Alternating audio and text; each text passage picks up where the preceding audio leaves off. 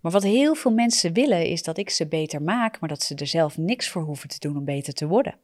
Want dat kost ze wat. Welkom bij de Godfluencer podcast. Ik ben Tessa, je host, en in deze podcast praat ik heel graag met je over God, geloof, de werking van je brein, gezondheid, spiritualiteit en nog veel meer in het licht van de Bijbel en gezondheidswetenschappen. Ik ga rake thema's en scherpe vragen niet uit de weg en daag daarbij mezelf en jou graag uit te leven uit geloof in de vernieuwing van ons denken, aangevuurd door de Heilige Geest en vol van Gods Woord. Daarom is dit de podcast voor jou als je de kracht van God wilt ervaren, ondanks alles wat het leven ongenuanceerd op je pad smijt. Dus ik zou zeggen, let's go Godfluence your world. Hey en welkom bij een nieuwe aflevering van Crush Your Day. Hier op de Godfluencer podcast en op YouTube als je daar zit te kijken. Waar je ook kijkt of luistert, zorg dat je altijd geabonneerd bent op jouw favoriete kanaal, zodat je geen aflevering mist. Weet je, en vanochtend was ik super vurig, en dat ben ik eigenlijk nog wel, over een, ehm, over een tekst die met mij werd gedeeld de avond daarvoor in een gesprek, een online gesprek wat ik had uh, met iemand over vermaning en correctie. En dat het soms zo scherp en zo pijnlijk is om bepaalde woorden van mensen te ontvangen uh, in ons proces waar we in zitten, um, wat misschien zelfs in zichzelf al lastig is. En te horen krijgen, weet je, je moet gewoon een keuze maken. Je zult radicale beslissingen moeten maken. Dat in zichzelf kan al vermanend en veroordelend voelen voor mensen als ze het gevoel hebben juist vast te zitten in iets en te denken, ja leuk, moet ik ook nog eens een keuze maken? Ik weet helemaal niet hoe ik een keuze moet maken. En dan zeg je me dit. En ik zeg het vaak niet zomaar. Ik zeg het vaak als ik ook het gevoel heb dat je voldoende kennis hebt om een keus te maken, om beslissingen te maken. En radicaal beslissen kan alleen als je ook een radicale waarheid hebt waarop je kan beslissen en waarin je kan gaan staan. En dat is vaak wat ik bij mensen zie die vastlopen. Dat kan een deel komen uit niet weten hoe je tot oplossingen moet komen. Maar ik zie ook te veel christenen, te veel mensen en die blijven vastlopen omdat ze ten diepste niet de keus maken om radicaal te gaan staan, verantwoordelijkheid te nemen, te midden van hun chaos, te midden van de storm, te midden van de overweldiging, om te gaan staan voor de waarheid in hun leven. En daar ook keuzes in te maken uh, en een andere weg te gaan kiezen in hun patronen, in hun gedrag, in wat ze spreken of wat ze juist niet spreken. En opvolging te geven, al dan niet, aan de emoties en de gedachten die ze continu ervaren. Nou, daar had ik het over vanochtend aan de hand van Spreuken 12, vers 1. Want deze persoon deelde dat met mij.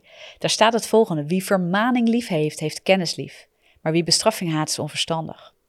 Weet je, en als het me lukt, ga ik de aflevering van vanochtend nog delen. En de kwaliteit van het geluid en het beeldkwaliteit is absoluut minder als wat je hier gewend bent. Maar ik ga dat denk ik wel doen, want de boodschap was er niet minder om. En wat ik voor nu met je wil delen is nog iets anders, eigenlijk een aanvulling op wat ik vanochtend deelde. Dus ik wil je ook zeker gaan aanraden uh, dat als hij online komt, als je hem kan kijken op Facebook of op Instagram, ga daar kijken. Maar ik ga dus proberen hem online, online te zetten hier. Maar wat ik om wil draaien is, wat hier staat is, wie vermaning lief heeft, heeft kennis lief. En dat is vooral gericht op de vermaning, dat het zo belangrijk voor ons is om naast dat we de liefde van God gepredikt krijgen en al die mooie principes die beneficial zijn, hè, dus die ons voordelen opleveren en die goed zijn voor, de welzijn, voor het welzijn van onze, van onze geest, ziel en lichaam, dat we ook beseffen dat een van de belangrijkste principes daarin is, een van de belangrijkste wil ik ook echt wel zo uitdrukken, is bekering en ontvangen van vermaning. Is je afkeren, bewust afkeren van zaken die niet in lijn zijn met God. Zonde, uh, en, en, patronen die zijn opgebouwd in je leven, bolwerken die je moet afbreken, uh, die vaak ook sterke emotionele koppelingen hebben, waardoor ze zo krachtig uh, zijn in onze levens en zo, zo pittig zijn om af te breken, niet gemakkelijk altijd zijn om af te breken. Dat je er wel radicaal voor moet blijven kiezen daarin correctie te ontvangen, oftewel waarheid te ontvangen, die ingaat tegen de leugens in ons denken, die ingaat tegen misleiding, die ingaat tegen zonde, zonde ook blootlegt. En het is de goede tierenheid van God die tot bekering leidt, zegt Romeinen 2, vers 4. Ja, dus de goede tierenheid van God heeft voor ogen dat je loskomt van zonde, zodat de angel van de dood niet langer grip op je heeft. Dat je vrijkomt en dat je niet gevangen blijft in dat, in dat stuk van je leven. Ja, zo is het ook met dingen als trauma en kwetsing en pijn die we hebben meegemaakt. God wil ook dat je daar niet langer slachtoffer van blijft. En ook dat je jezelf niet langer blijft zien als een slachtoffer, van, uh, slachtoffer daarvan. Ook niet in de overweldiging van je emoties. En daar sprak ik gisteravond over met deze persoon en dat was vrij scherp dat ik zei: je kunt blijven aannemen dat overweldiging zo sterk is in je leven. Dat je ervoor kiest dat omdat die overweldiging zo sterk voelt, dat jij dus niet anders kan als zo reageren en dat jij er nooit uitkomt. Maar ik denk ook dat het tijd wordt dat je ervoor kiest ehm, dat dit niet langer je waarheid is en dat je andere stappen gaat zetten. En het kan heel scherp klinken voor iemand die overweldigd wordt door emotie. Wat we vaak doen is, we gaan dan vaak heel erg zitten in, ik ga het even scherp zeggen misschien ook, Ehm, en dit is geen veroordeling, dit is gewoon om je, om je uh, te schudden en te scherpen. Maar soms claimen we het recht op emotie. Omdat we in het verleden dingen hebben meegemaakt en nu zo overweldigd worden, um, dat we bijna een soort claim leggen op de emotie dat het niet anders is dan dat. En ik ken het. Zelf ook, uit mijn depressie. Ik was er heel lang van overtuigd dat door de, door de, door de kracht van die emoties door de overweldiging van die emoties, dat er helemaal geen andere weg was. Dat ik niet anders kon als me zo voelen, omdat ik niet wist dat er een weg was uit. Maar toen er een weg was uit, confronteerde God me ook per direct met eigenlijk uh, hoe je deze tekst ook kan uitleggen, namelijk wie kennis krijgt, ontkomt niet aan vermaning. Heel veel mensen zorgen ervoor dat ze onwetend blijven, zodat kennis hen niet kan brengen tot vermaning. En wat bedoel ik daarmee? Als je kennis krijgt van zaken, word je automatisch verantwoordelijk voor dat gebied in je leven. Ik ga je even heel simpel voorbeeld geven. Ik heb als therapeut, fysiotherapeut heel veel gewerkt met mensen die met klachten komen van hun lijf. Die zoeken een manier om beter te worden. Als ze bij mij komen, geef ik ze kennis, inzicht, kennis van zaken uh, en de daarbij behorende keuzes die ze dienen te maken om beter te worden. Maar wat heel veel mensen willen is dat ik ze beter maak, maar dat ze er zelf niks voor hoeven te doen om beter te worden. Want dat kost ze wat.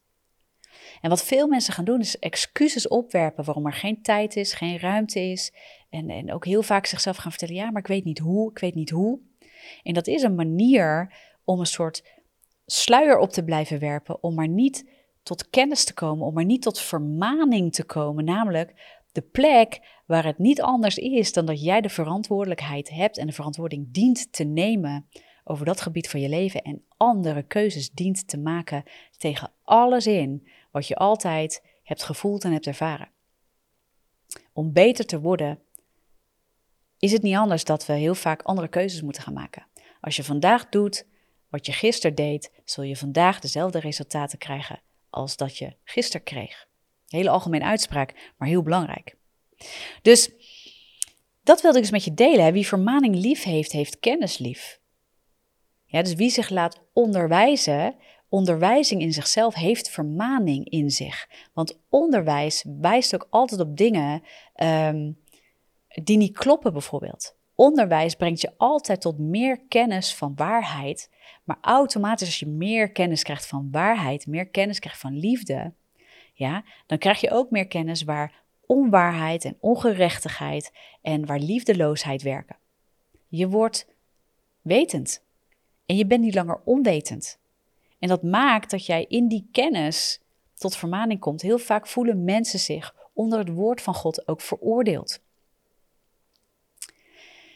En dat maakt dat ze het liever vermijden. Alleen wat God in zijn goede tierheid voor ogen heeft, is bekering. Bekering ziet de dingen die niet kloppen, richt zich op geloof en de waarheid en de liefde van God en kiest, ik keer me af van alles wat niet uit God is. En ik richt me op de dingen van het leven. Ik richt me op God. Ik laat me vermanen. Ik laat me tot bekering komen. Maar ik besef, de keuze is aan mij. Wat doe ik met die kennis? Nou, daar wilde ik je gewoon eens in uitdagen, in aanvuren. En ik was er vanochtend super vurig over. Nogmaals, ik ga proberen hem te delen. Ehm, want de boodschap was heel krachtig. Maar denk je eens over na. In hoeverre vermijd jij soms kennis in bepaalde gebieden van je leven, omdat je weet als ik daarin ga stappen, ga ik veroordeling voelen? Ga ik gewezen worden op dingen waarvan je ten diepste eigenlijk vaak al weet, intrinsiek voelt, dat je daar iets mee moet? Eigenlijk om verder te komen, ook in je relatie met God, in je wandel met God, in de bestemming van je leven. En ik zeg niet dat het altijd zo is, maar er zijn te veel christenen die zoeken naar, um, naar het verstaan van de stem van God. Die willen meer leiding, die willen het plan van God voor hun leven. Maar die weigeren om tot meer kennis te komen door het woord te lezen, door onder het woord te komen, door op plekken te komen waar het woord van God verkondigd wordt, waar ze met de geest in aanraking van God komen. En die vermijden ook de intimiteit met God, waardoor ze eigenlijk ten diepste daar niet komen. En ja, er, er is een groep mensen die niet weten hoe. Weet je, die echt niet weten hoe. Daarvoor zijn mensen om te helpen. Ook ik hoop dat ik je help elke keer in de hoes. En hoe kom je daar en hoe bouw je dat op? Daarom zijn we ook met een platform bezig op dit moment. Als je dit luistert, het is 26 um, ehm, september 2022. Op dit moment zijn we een platform aan het testen waar we ook weer verdieping gaan geven online, uh, op zijn minst. Waar ik uh, met mensen verdieping ga, ga, ga uh, geven om te kijken of je, of je sleutels kan ontvangen en praktische tools om, om in je wandel met God te groeien. Super belangrijk voor ons als christen. We kunnen niet zonder. Weet je, dan, dan is leven is hetzelfde als in de wereld. En dan moet je het met methodes doen en, en hopen dat je wat verder komt in je leven. Maar voor het plan van God, voor leven met God, heb je God zelf nodig. En dus ook moeten we elkaar opbouwen in die relatie en intimiteit met God. Dat is zo belangrijk. Maar als je niet bereid bent om onder de kennis te komen, als je niet bereid bent om veroordeling misschien te voelen, om vermaning te willen aannemen, omdat dat niet lekker is, niet fijn is, niet fijn voelt, als je alleen maar een soort sugar-coated, met, met suiker overgoten evangelie wil uh, wil krijgen, omdat dat lekker, lekker smaakt. Maar het rauwe evangelie, waar ook over bekering wordt gesproken en ook over zonde en ook over dat je je leven moet heiligen en ook over dat je uh, je leven moet offeren, je leven moet afleggen voor het evangelie. En dat je, hè, weet je, als je daar niet in wil verdiepen wat dat inhoudt, wat dat betekent, ja, dan mis je echt heel veel. En dan kan je ook niet komen tot goed inzicht van het plan van God. En dan kan je ook niet goed komen tot het goed verstaan van de stem van God. Want je vermijdt dingen. Dus vermaning is ontzettend belangrijk. Niet alleen om los te komen uit zonde, maar ook om los te komen ehm, uit trauma, uit verleden, uit leugens in ons denken die onze identiteit hebben aangetast. Het is nodig om onder kennis te komen. En kennis vermaant. Het bouwt op, want vermaning bouwt altijd op. Het is de duivel die aanklaagt en je neerhaalt en je wil, wil uh, houden in schuldgevoel en je het idee wil geven dat jij nooit verder kunt komen, dat God niet van je houdt. Dat zijn leugens uit de duisternis. God houdt van jou. Maakt, niet, maakt, mij niet uit, omdat het God niet uitmaakt hoeveel fouten je hebt gemaakt, hoeveel zonde je hebt begaan. Hij houdt van jou en hij wil je eruit trekken. Dat is waar Jezus voor is gestorven aan het kruis. Ja, zodat jij vrij bent en eeuwig leven hebt in Hem. Dat is het evangelie. En daarin brengt hetzelfde evangelie ook een weg uit bepaalde dingen. Maar moet je onder kennis en vermaning willen komen. Want liefde, vermaning, waarheid, het is één pot nat. En daarin word je opgebouwd, opgewekt tot leven en overwinning met Christus. Amen. Daar wilde ik je in bemoedigen, in, uh, in aanvuren, dat je die tekst eens bekijkt en dat je eens bedenkt wat er staat. Wie vermaning lief heeft, heeft kennis lief maar dat het ook inhoudt dat je kennis lief hebt, kom je dus tot opbouw en ook tot vermaning. Je wordt aangescherpt en aangevuurd om dingen achter je te laten en, uh, en keuzes te gaan maken, omdat je verantwoordelijk wordt gehouden voor de kennis die je tot je neemt, dat je daar ook uh, naar gaat handelen, dat je daar ook naar gaat leven en dat je dat met God samen gaat doen en niet alleen en God op afstand houdt. Amen? Dus be blessed met dit woord, met deze boodschap. Um, als ik de aflevering nog uh, ook ga publiceren hè, vanuit de socials hier naartoe. Zal ik hier ook even een linkje bovenin zetten dat je daar naar, uh, naartoe gelijk kan. En ehm, als je hier geen linkje ziet, dan heb ik hem niet geüpload, maar anders wel. Um, of hier, wat is het, bij YouTube. Ik uh, ga even kijken. Ergens bovenin bij YouTube zien het linkje. En ik zal hem even in de, in de notes zetten van de podcast als ik hem, als ik hem daar gekoppeld heb.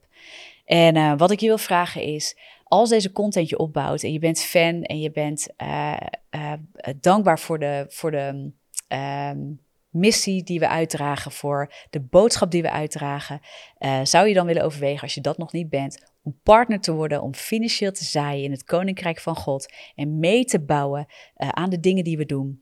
Um, opdat er steeds meer content naar buiten komt en, en het koninkrijk van God baanbreekt, ook door deze ministry heen. En dat we mensen bereiken met het evangelie. Dat we mensen bereiken met de kracht van God voor hun leven. Zodat ze weten dat het evangelie levend is voor hun leven. En dat zij gezield zijn en mogen zijn in Christus. Dat daar het leven ligt en het antwoord voor hun leven is in Hem.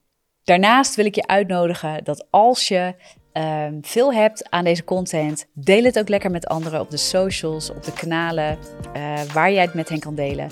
En um, dan wil ik je eigenlijk zeggen: wees enorm gezegend, wees aangevuurd met deze boodschap. En ik spreek je heel graag in de volgende aflevering.